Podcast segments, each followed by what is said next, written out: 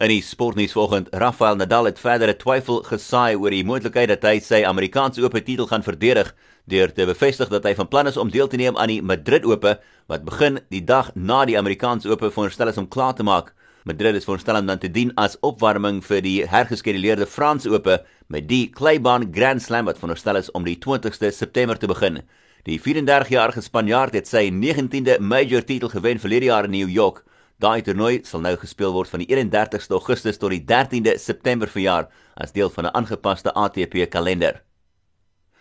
En sokkernuus, Chelsea skuif op na 'n derde plek op die Engelse Premier League punteleer nadat hulle 'n aksiebeleide wedstryd gewen het met 3-2 by Crystal Palace, terwyl Leicester tevrede moes wees met 'n gelykopstryd by 'n 10-man Arsenal. Jamie Vardy se laat gelykmaker besorg aan Leicester City 'n belangrike punt om hulle Kampioenligga hoop aan die lewe te hou terwyl Frank Lampard se Chelsea 'n tree nader gegee het in 'n plek in volgende jaar se Kampioenligga met 'n sewende oorwinning in 8 wedstryde wat beteken dat hulle nou 'n punt voor Leicester is en 5 punte voor vyfde plek span Manchester United.